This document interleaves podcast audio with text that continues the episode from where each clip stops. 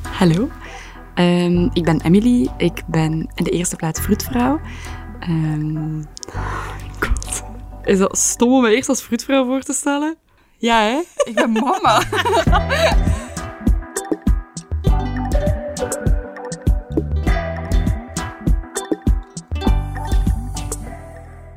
Ik ben dus Emily. Ik ben 26 jaar. Ehm, in de eerste plaats ben ik mama van mijn dochtertje Anna, die eh, ondertussen al bijna acht maanden is.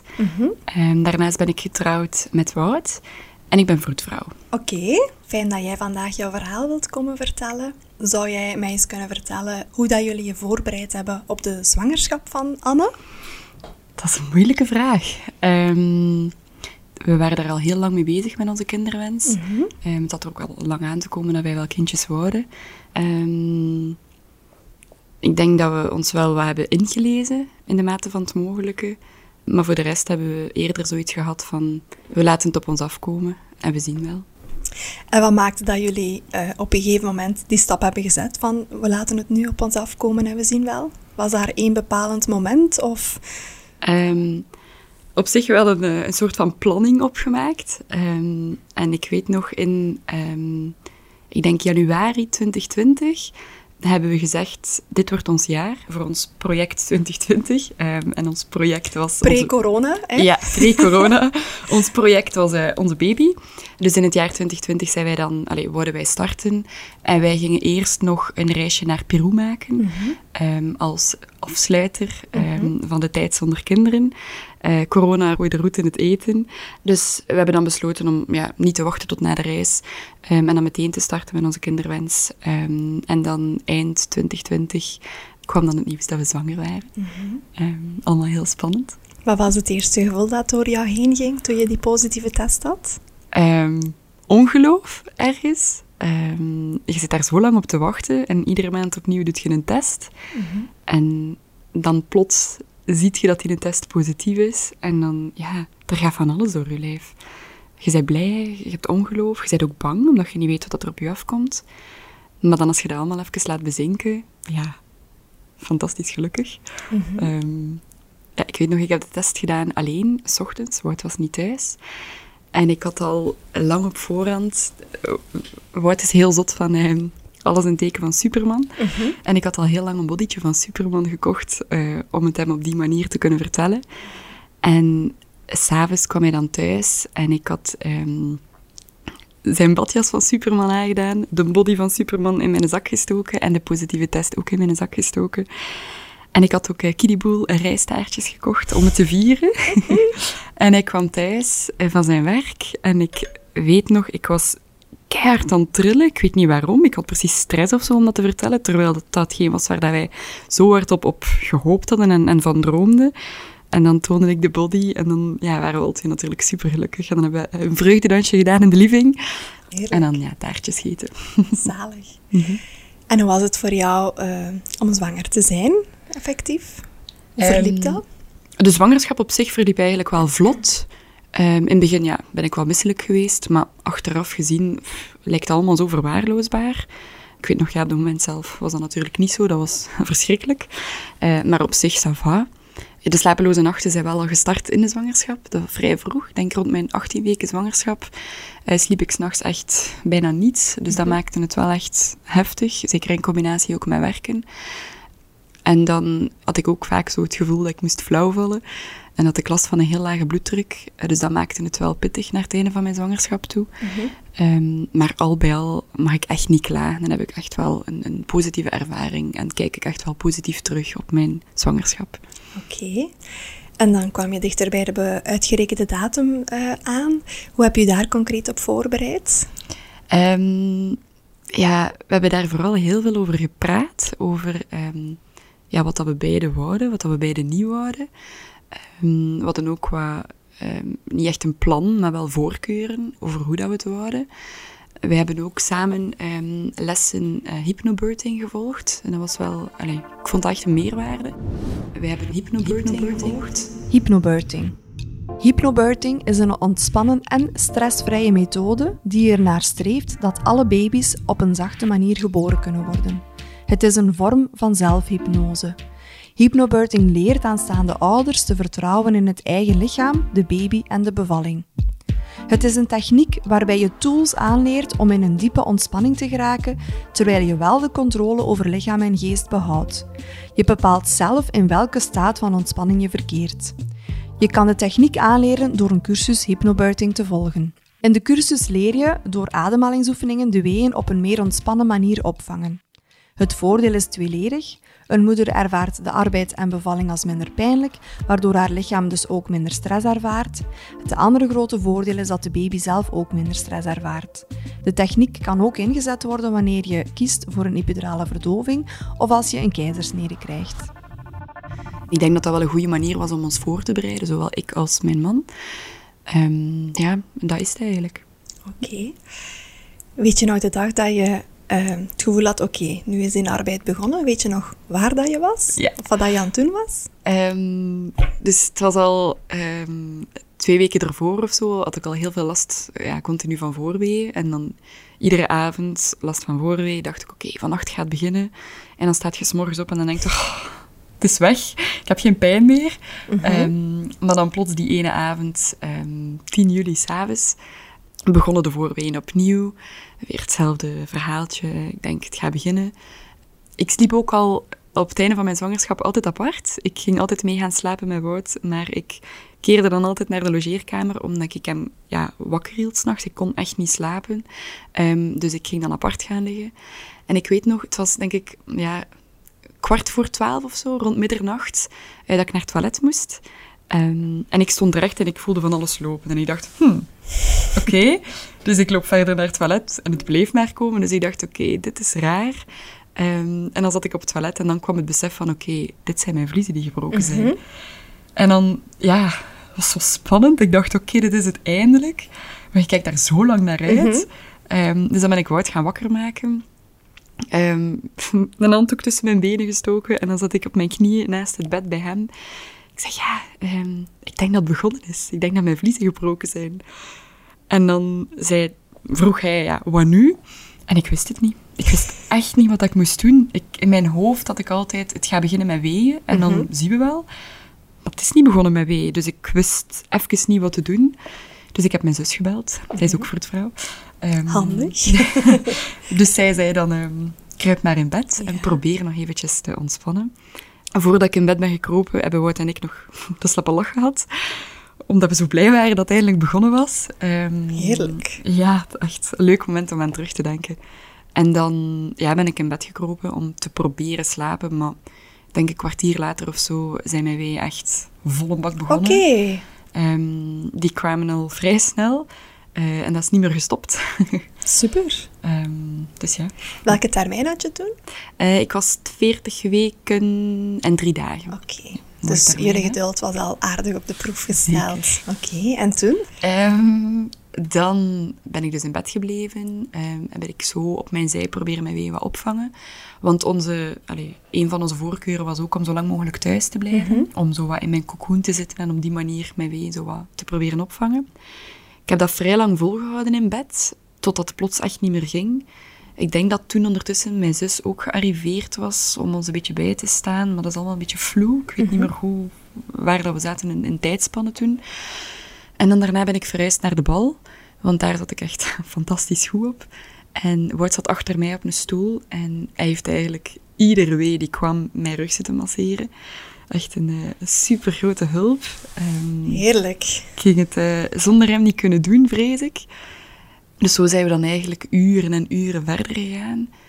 Uh, ik op de bal, hij mij masseren, wee achter wee. Dan nog een paar keer veranderd van houding, gewoon in de slaapkamer. En dan zijn we in de namiddag, ik denk rond drie, vier uur, hebben we de beslissing gemaakt om naar het ziekenhuis te vertrekken. Oké, okay, dus er is best wel wat tijd overgegaan. Ja, ja. Zo. ja. Um, ja, de ontsluiting vorderde niet zoals dat ik verwacht had. Uh, het ging eigenlijk best traag, vond ik, naar mijn gevoel. Mm -hmm. Dit was iets dat jouw zus controleerde dan? Ja, of wist mijn, je zus, uh, mijn zus controleerde hoeveel ontsluiting ik had. En telkens ze controleerde, was het toch wel, naar mijn inzien, dan toch wel zo wat negatief van, oh, we zitten nog maar daar.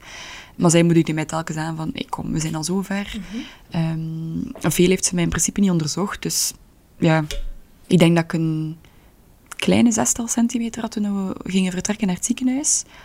Maar voor de rest, alles bleef in orde. Het, lukte eigenlijk goed om de ween op te vangen. De harttoontjes waren perfect. Dus absoluut geen reden tot paniek. Mhm. Ehm, en dan zijn we vertrokken. En ik weet nog, de autorit was een hel. We moesten vertrekken, maar ik zat ook zo goed op die bal dat ik even nog een moment heb gekeken naar mijn man ook van, "Ach, kunnen we niet thuis blijven? Maar dat was niet mogelijk in het, in het opzicht. Allee, we hadden dat zo niet gepland, dat ging niet. Allee, dat, dat ging niet. Ehm, dus we zijn dan vertrokken en dan in het ziekenhuis toegekomen, weet ik nog. Ehm, dat is een moment dat is bijgebleven. We zijn toegekomen op spoed.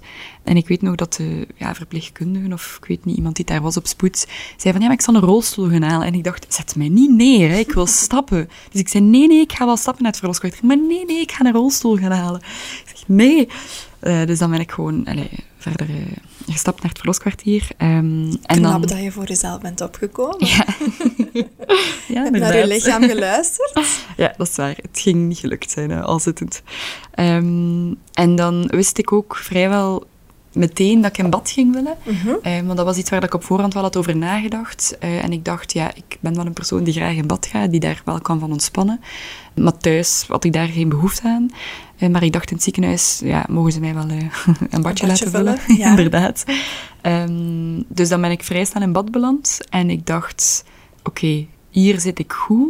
Hier gaan ze mij niet meer uithalen. Hier blijf ik in. Mhm. Ehm, ik had op voorhand ook totaal niet nagedacht over wil ik in bad bevallen, ja of... Allee, ik heb daar wel over nagedacht, maar dat was niet dat ik dacht van ik moet in bad bevallen. Ik wist ook, ja, er kan van alles gebeuren waardoor het niet meer zou lukken.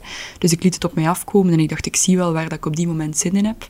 Ehm, maar ik dacht, op het moment dat ik in bad zat, eh, dit is het. Mhm. En daar heb ik dan ook vrij lang in gezeten. Ondertussen ook nog altijd Woord naast mij, mij ondersteunen, mij masseren.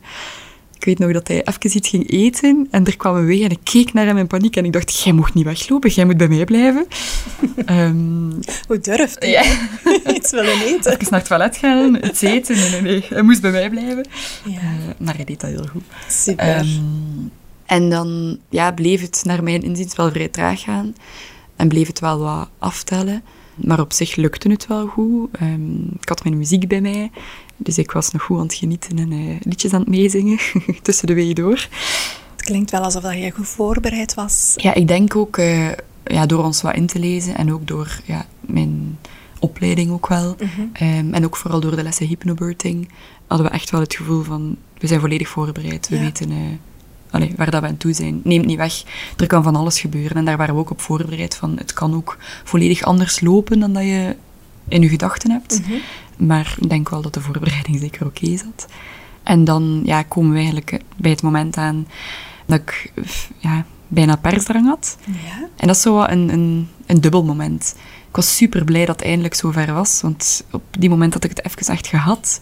We waren toen al bijna tien uur s'avonds, dus Oké. ik was al bezig van De nacht daarvoor. de nacht ervoor. Ja. Ja. niets gegeten, niets geslapen. Ik was echt, eh, echt op. En dan voelde ik die persdrang, onweerstaanbare persdrang. Ehm, Je zat nog in bad toen? ik zat nog in bad. Ja, ik was de hele tijd aan het veranderen van rug naar ehm, handen en knieën. Mhm. En dan uiteindelijk ben ik beginnen persen als ik op mijn rug lag in bad. En dat was een moment dat mijn gynaecoloog zei... eh, Emily, als ik straks tegen jou zeg, ehm, je moet op handen en knieën gaan zitten, moet je dat ook meteen doen. En mijn vroedvrouwbelletje ging rinkelen en ik dacht, oh, oké, ze denkt aan een schouderdystocie. Mhm. Eh, maar dat is natuurlijk iets wat dat mijn man totaal ook niet mee was. Mhm. En dan, ja, ik was dus aan het persen en haar hoofdje kwam. En de gynaecoloog zei toen inderdaad van, Emily, nu is het tijd om op handen en knieën te gaan zitten. Dus toen is bij mij de paniek begonnen, omdat ik dacht, oh nee, die schouder zit vast. En wat nu? En ik zit in bad. En ik was even helemaal in paniek. En dan uiteindelijk, ja, was ze er. In Ehm, handen en knieën dus. in handen en knieën, ja. En eigenlijk heel mooi. ehm, ik kon haar door mijn benen vastnemen. En ik mocht daar, allee, mocht, ja, ik vroeg, mag ik haar onder water houden? Mhm. Omdat ik dat ook al vaak had gezien als ik zelf eh, bevallingen had begeleid. Dus ik had haar nog eventjes onder water gehouden. En haar ogen waren al rekkenwijd Ja, open. ja. En ze keek mij gelijk al aan. En dat was al een supermooi moment.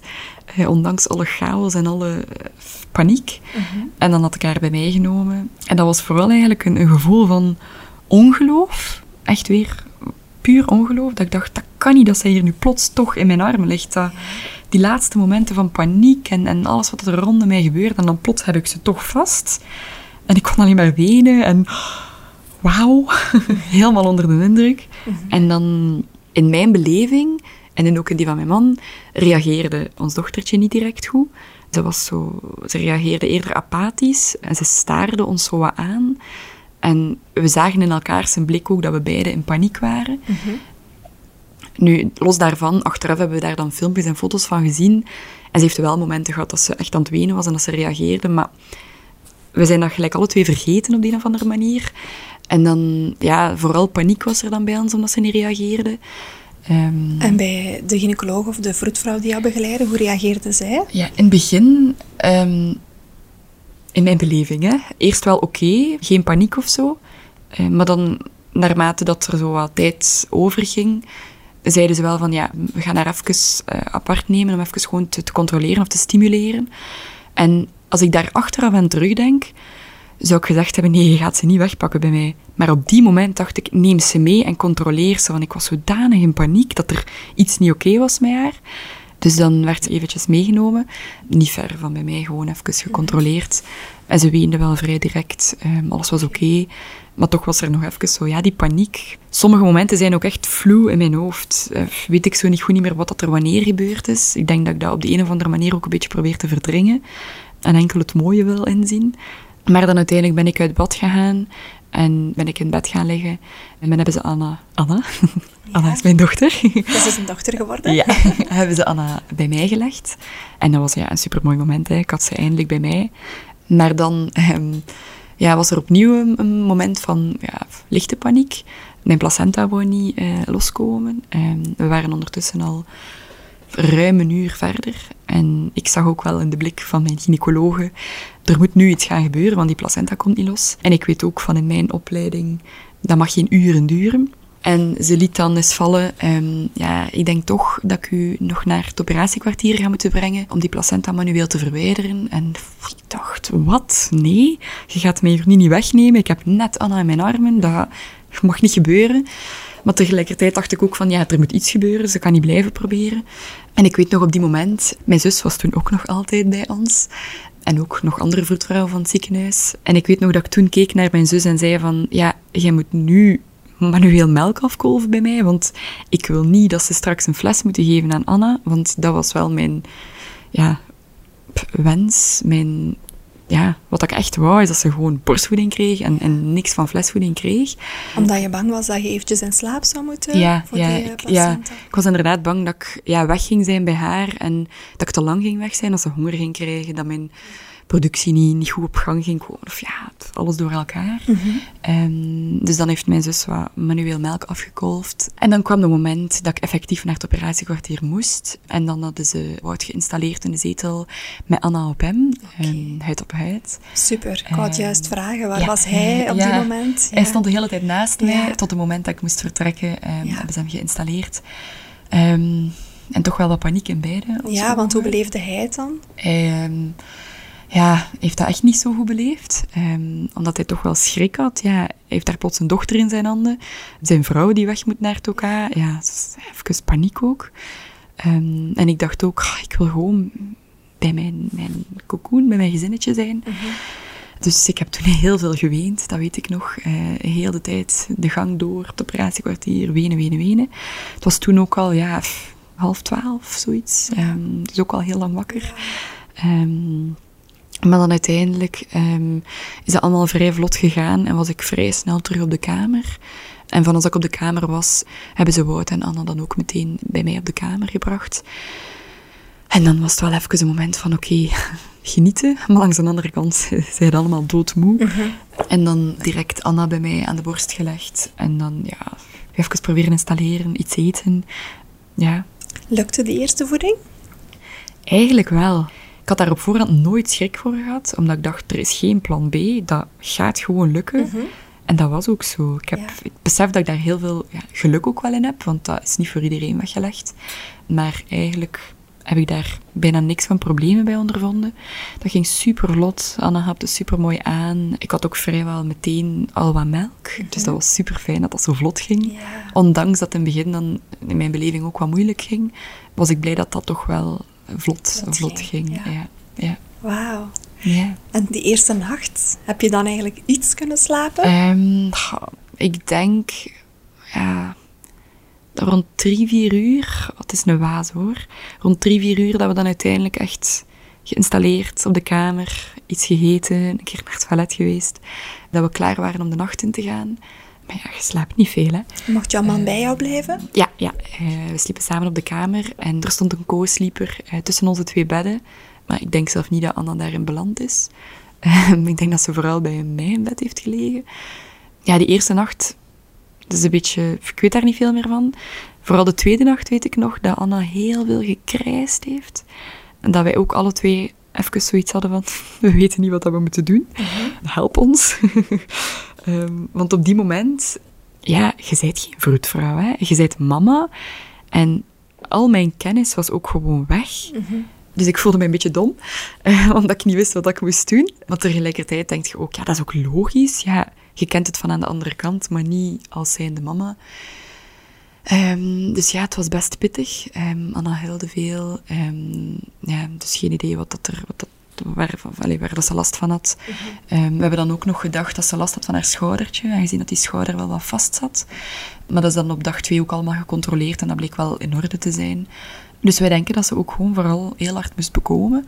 Want ja, als je rekent 22 uur in arbeid zijn en die wee die toch wel heel snel op elkaar volgden, dat is pittig voor haar. Hè? Zij heeft volgens mij keihard afgezien. Dus ik denk dat ze vooral heel hard moest bekomen. Ja. En jullie ook een beetje, denk ik. hè? zeker. En hoe waren de dagen op de materniteit dan? Zijn jullie lang gebleven in het ziekenhuis of zijn jullie rap naar huis gegaan dan? Ik ben dan de zondagavond bevallen en de woensdag zijn Ja. we naar huis gegaan. Eh, dus gewoon zo de Gemeld, standaarddagen ja. gebleven. Ik weet nog dat ik ehm, heel veel last had van mijn staartbeen. Maar dat was ook al in mijn zwangerschap zo. ehm, en dat was alleen maar erger geworden na mijn bevalling. En dat was eigenlijk het enige waar dat ik super veel last van had. Waardoor dat ik blij was dat ik daar op de materniteit nog was. Dat ik niet zelf moest gaan rondlopen in mijn huis en van alles doen. Ik zat eigenlijk gewoon vooral neer of liggen in mijn bed, omdat ik niet echt kon neerzitten. Dus dat was eigenlijk ook een van de redenen, denk ik, waarom dat we tot de woensdag zijn gebleven. Want voor de rest ging alles eigenlijk heel goed. En dan kwam het moment dat we naar huis gingen, de woensdag, kei mooi weer. Super spannend, want ja, je komt dan plots met een baby thuis. hè. Ja, hoe was dat? Ehm, eh, een grappig moment was, ehm, Wout en ik hadden altijd op voorhand tegen elkaar gezegd, wij gaan die maxicose niet veel gebruiken, Anna gaat daar niet veel in leggen. Maar ja, logischerwijs gebruikt je die maxicose in de auto. Dus Wout haalt Anna uit de auto en we zetten haar op de livingtafel bij ons. En we beginnen van alles te doen, ja, de zakken leegmaken en, en alles installeren voor dan de nacht in te gaan. En plots staan wij alle twee boven in de slaapkamer. Ik denk, Wout was nog een beetje handdoeken en zo aan het opruimen, die daar nog lagen van in de arbeid. En ik was wat kleren aan het wegleggen of zo, ik weet het niet. En wij keken naar elkaar en wij zeiden, maar wij staan hier nu alle twee boven en onze baby ligt beneden in de maxicosi. alle twee keihard beginnen lachen. Ehm, dat is wel even een grappige anekdote. Ehm, en dan, ja, die eerste avond... ehm, is mijn zus bij ons geweest, eh, om ons ook een beetje te helpen met vragen die we nog hadden, of ons een beetje te installeren. Super. Was dat op voorhand zo afgesproken? Hadden jullie Ehm, daar gevraagd? Ah, dat weet ik eigenlijk niet meer. Ik denk dat dat voor haar een beetje een evidentie was, eh, van als dat jullie thuis zijn, kom ik af. Ja. Ehm, dus dat was wel heel fijn. En die eerste avond was eigenlijk heel op het gemak. Eh, heel veel knuffelen met Anna. En dan komt je boven, wilt je gaan slapen, en dan staat je daar plots met een baby in je armen, in je bed. Dan denkt je, huh? En nu? En nu, inderdaad, ehm, we hadden die dan in de co-sleeper bij ons gelegd. Ehm, die was zo klein. En op zich, ik weet zelf al niet meer hoe dat die eerste nachten gegaan zijn. Ik denk dat hij vooral wel heel veel geslapen heeft toen. En ook heel veel gedronken. Maar ik denk dat die eerste nachten echt wel vlot gingen. Mhm. Ehm, dat dat wel goed liep. Fijn. Ja. Hadden jullie iets van extra ondersteuning geregeld? Kraamzorg of zo? Ja, wij hadden... ehm dus Wout was de eerste twee weken sowieso nog thuis van zijn werk. Hij had eh, verlof genomen. En wij hadden kraamzorg aangevraagd, maar pas vanaf dat Wout terug aan het werk was. Omdat we dachten, het is toch wel fijner om niet iemand eh, vreemd in ons huis te hebben als we zo de eerste week met ons drietjes thuis zijn. En we hadden ook ons twee mama's die beide ja, altijd konden langskomen voor, de, allee, voor ons te helpen met een beetje huishouden en zo. Dus dat was wel heel fijn dat we die hulp hadden. Ja, en de vroedvrouw, ja. Vond je het moeilijk om eh, hulp te aanvaarden of te accepteren? Ja, Ja. ik wist al op voorhand eh, dat ik het daar heel moeilijk ging mee hebben. Omdat ik ook zo ben ingesteld. Eh, ik doe het graag liever allemaal zelf. ja. Maar ik besefte ook wel, ik moet hier iets uit handen geven, want ja, je kunt niet alles doen. En dat was dan vooral het koken en de was dat we uit handen gaven. Want Anna bleef in onze handen. Mhm. Eh, we wilden die niet afgeven. Dus dat was dan vooral, ja, Anna ehm, had dan een voeding bij mij. En dan na de voeding bleef ze ofwel uren en een stuk bij mij liggen in de zetel, ofwel dan de volgende voeding, alleen na de volgende voeding dan uren en een stuk bij Wout. En zo wisselden wij de hele tijd af. Anna heeft nooit in haar park gelegen. Ehm, die lag continu bij ons. Ehm, en dat is eigenlijk ook wel heel fijn om aan terug te denken. We hebben die gewoon niet losgelaten. Ja. Die, eh, Zo gekoesterd. ja, ja, Dat is fijn om te horen. ja. En hoe verliepen die weken verder eens dat Wout terug eh, aan het werk ging? Hoe was dat voor jou? Ehm, pittig. Ik moest het plots alleen gaan doen. Nu, in het begin was het wel nog vrij rustig bij Wout op het werk. Ik had er ook wel eh, voor gezorgd. En dan ook ja, de kraamhulp die kwam, de mama's die kwamen helpen. Dat verliep eigenlijk wel oké. maar ik vond het wel in die zin ah, niet moeilijk, maar wel ergens wel lastig. Omdat Anna eh, heel veel huilde. We merkten ook dat ze ja, het lastig had. Er was iets. Heel moeilijk te troosten ook. En dat maakt het dan moeilijk, want dan begin je te twijfelen aan jezelf. Mhm. Ehm, doe ik het wel goed? Je bent ook nog super emotioneel, super moe. Ik weet nog dat ik heel veel gehuild heb de eerste dagen, weken. Ik weet ook dat ik vaak dan, als ik Anna s'avonds dan, dat was dan, waren we al een paar maanden verder, in bed wou leggen s'avonds, dat ik heel blij was als ze thuis kwam. Eh, omdat ze zo vaak huilde en ik dacht, "Oh, ik heb even rust nodig. Maar dan hebben we dat eigenlijk, allee, verliep dat heel vlot in de zin van dat we elkaar konden aflossen. Mhm. Als ik zo die eerste ja, weken of maanden moet beschrijven, ja, fantastische periode, maar ook pittig, ja, echt pittig.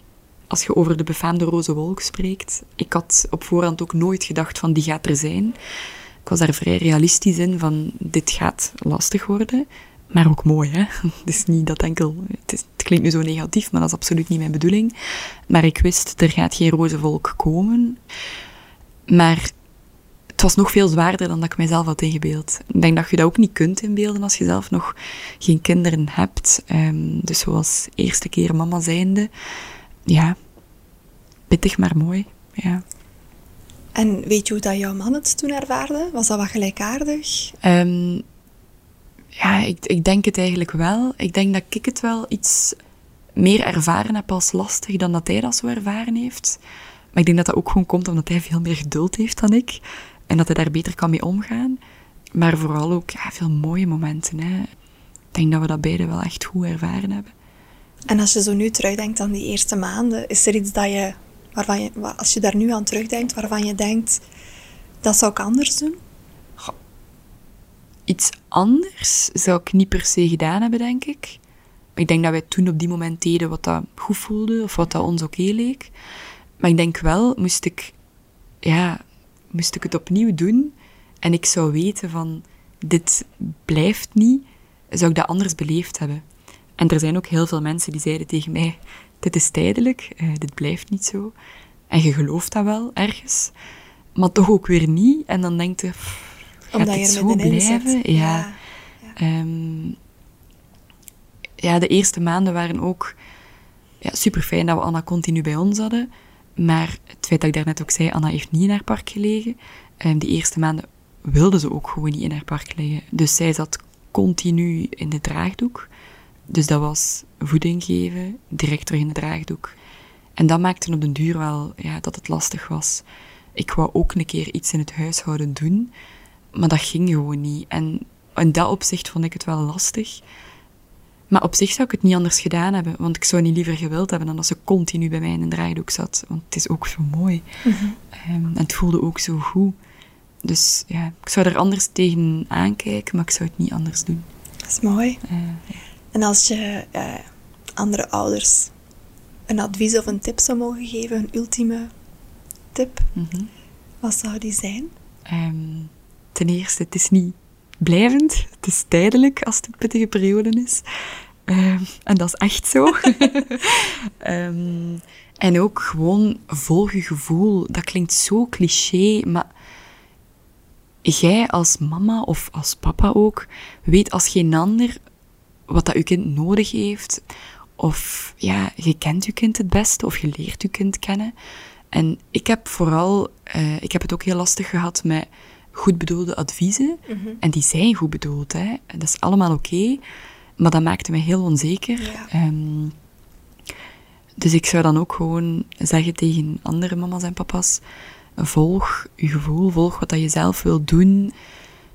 Luister naar die adviezen, maar pik eruit wat dat je wil. Ja. Uh, en laat de rest gewoon varen. En voel je daar ook niet slecht over als je het anders doet dan wat de andere mensen zouden, Ja. zouden doen. Ja, Ja. Dat is een mooi advies. ja.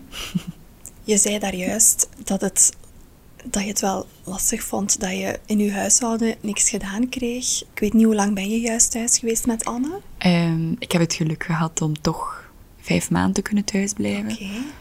Al was dat voor mij ook veel te kort. Ja. Ehm, ja, ik heb het dan vooral de eerste drie maanden had ik het gevoel van ik kan niks doen in het huishouden. Of ook simpelweg een keer naar de supermarkt gaan, boodschappen doen. Dat ging niet.